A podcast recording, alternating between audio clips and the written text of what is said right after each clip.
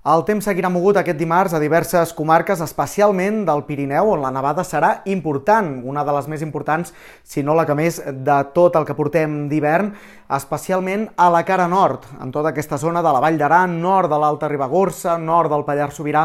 es poden acumular més de 20 centímetres de neu nova a partir dels 1.200 metres, tot i que pot arribar a nevar a pràcticament qualsevol cota en aquesta zona i de forma intermitent pot saltar també a la cara sud. I atenció amb les fortes ventades que provocaran torb a la zona del Pirineu, a les cotes més altes, per tant, dia de situació molt adversa a alta muntanya.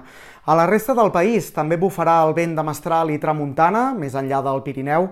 A la zona de l'Empordà, també al sud de Catalunya, hi han alertes activades en aquest sentit i cel variable, canviant i poca precipitació fora del Pirineu. Tan sols a la tarda no es pot descartar algun ruixat a la zona de l'Empordà, àrees properes i a tot estirar alguna gotellada dispersa a la resta, amb temperatures semblants o que pugen una mica, excepte el Pirineu, que baixen clarament un ambient fred a tota la serralada. A partir de dimecres la situació millora, entrem en una fase de treva meteorològica a l'espera que a partir de divendres i del cap de setmana el temps pugui estar una mica més mogut amb alguns ruixats.